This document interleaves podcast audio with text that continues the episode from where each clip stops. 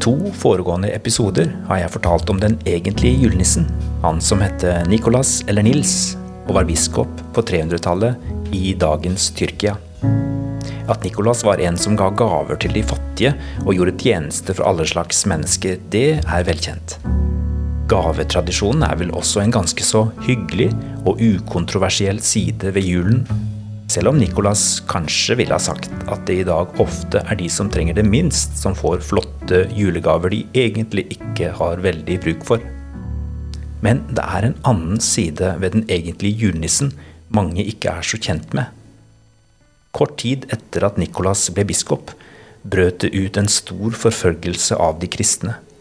Den varte i to år og blir kalt for den dioklesianske forfølgelsen etter keiser Diokletian som hersket i Romerriket på den tiden. Det var ikke første gang de kristne ble utsatt for forfølgelse. I over 200 år hadde forfølgelser kommet og gått.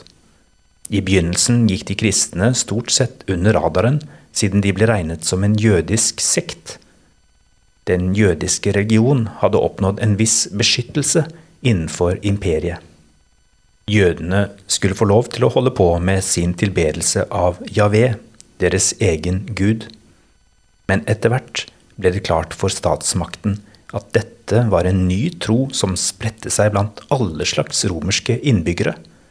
De nektet å avtjene militærtjeneste. De ga kvinner og barn en uhørt status.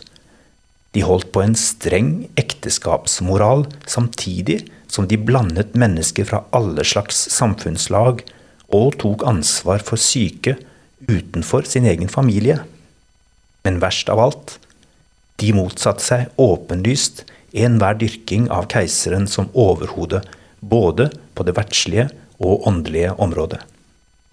Om det hadde vært en viss aksept for at jødene holdt seg til sin monoteistiske tro, var det veldig provoserende at en ny bevegelse gjorde ett menneske, Jesus Kristus, til en eksklusiv guddom, den eneste herre de var villige til å bøye seg for og tilbe. Under den toårige forfølgelsen under keiser Dioklesian ble kirker stengt, hellige skrifter brent, og kristne ble tvunget til å utføre ofringer til andre guder. Mange kristne ble drept eller fengslet og torturert. En av dem som etter sigende ikke overlevde denne forfølgelsen, var Lucia, en kvinne fra Sicilia som ettertiden kjenner som Santa Lucia. Hun minnes verden over på 13. desember. Ifølge fortellingene om biskop Nikolas ble han også fengslet og torturert under den diokletianske forfølgelsen. Disse kristne lederne som overlevde torturen og ikke ofret til andre guder, ble kalt for confessores, bekjennere. Til alle tider har mennesker betalt en høy pris for å bekjenne troen på Jesus som sann Gud og sant menneske. Den egentlige julenissen er med rette kjent for sin hemmelige godhetstjeneste. Vi har mye å lære av Nils den gavmilde. Mer enn noe annet handler jo kristendommen om å bli vist en grenseløs og ufortjent godhet og nåde i Jesus Kristus.